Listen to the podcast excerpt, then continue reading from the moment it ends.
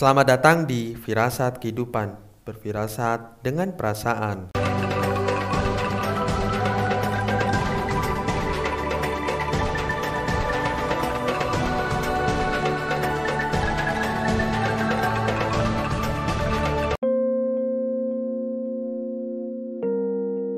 Indonesia, tanah airku.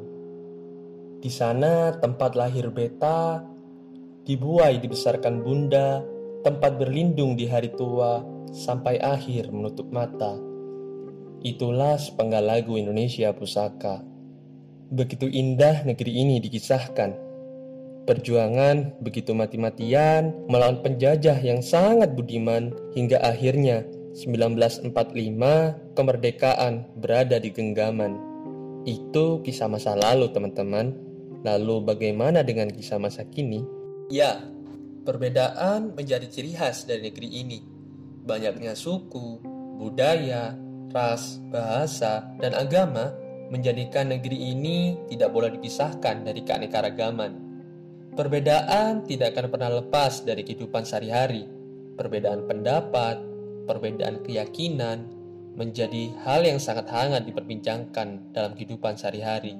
Sampai-sampai banyak orang yang bertanya, mengapa sih perbedaan itu diciptakan jika hanya untuk memecah belah persatuan? Mungkin banyak orang bertanya demikian karena saking banyaknya sih permasalahan yang ada di sekitar kita diakibatkan oleh perbedaan.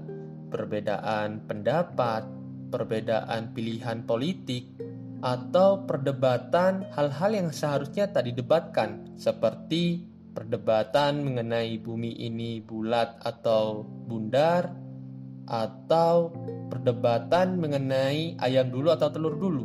Itu menjadi hal-hal yang sudah tidak asing di telinga kita.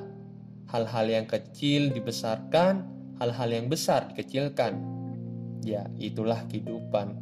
Sebenarnya sih yang harus kita tanyakan itu bukan perbedaan itu mengapa diciptakan, tapi bagaimana sih cara kita menyikapi adanya perbedaan. Mungkin teman-teman di sini pernah lihat pelangi yang begitu indah dengan warna Mejikui Biniu. Pernah nggak sih berpikir atau bertanya, kenapa sih pelangi itu bisa terlihat begitu indah? Apakah karena warnanya itu sama semua? Atau karena ada perbedaan warna yang menjadikan pelangi itu terlihat indah. Ya, itu jawabannya. Pelangi terlihat begitu indah karena kita menerima perbedaan yang ada di dalam warna pelangi.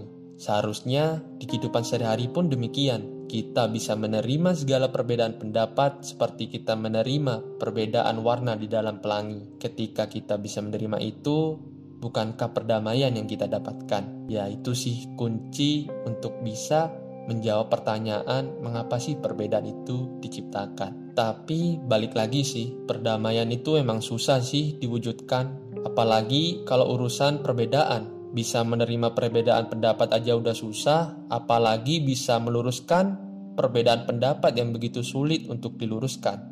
Bukankah Allah menciptakan manusia di muka bumi ini sebagai khalifah fil ardi, pemimpin di muka bumi? Sudah sepantasnya manusia di muka bumi ini mewujudkan adanya perdamaian yang abadi. Nah, perdamaian abadi bisa kita mulai dengan menghargai perbedaan dan juga mencintai adanya perbedaan.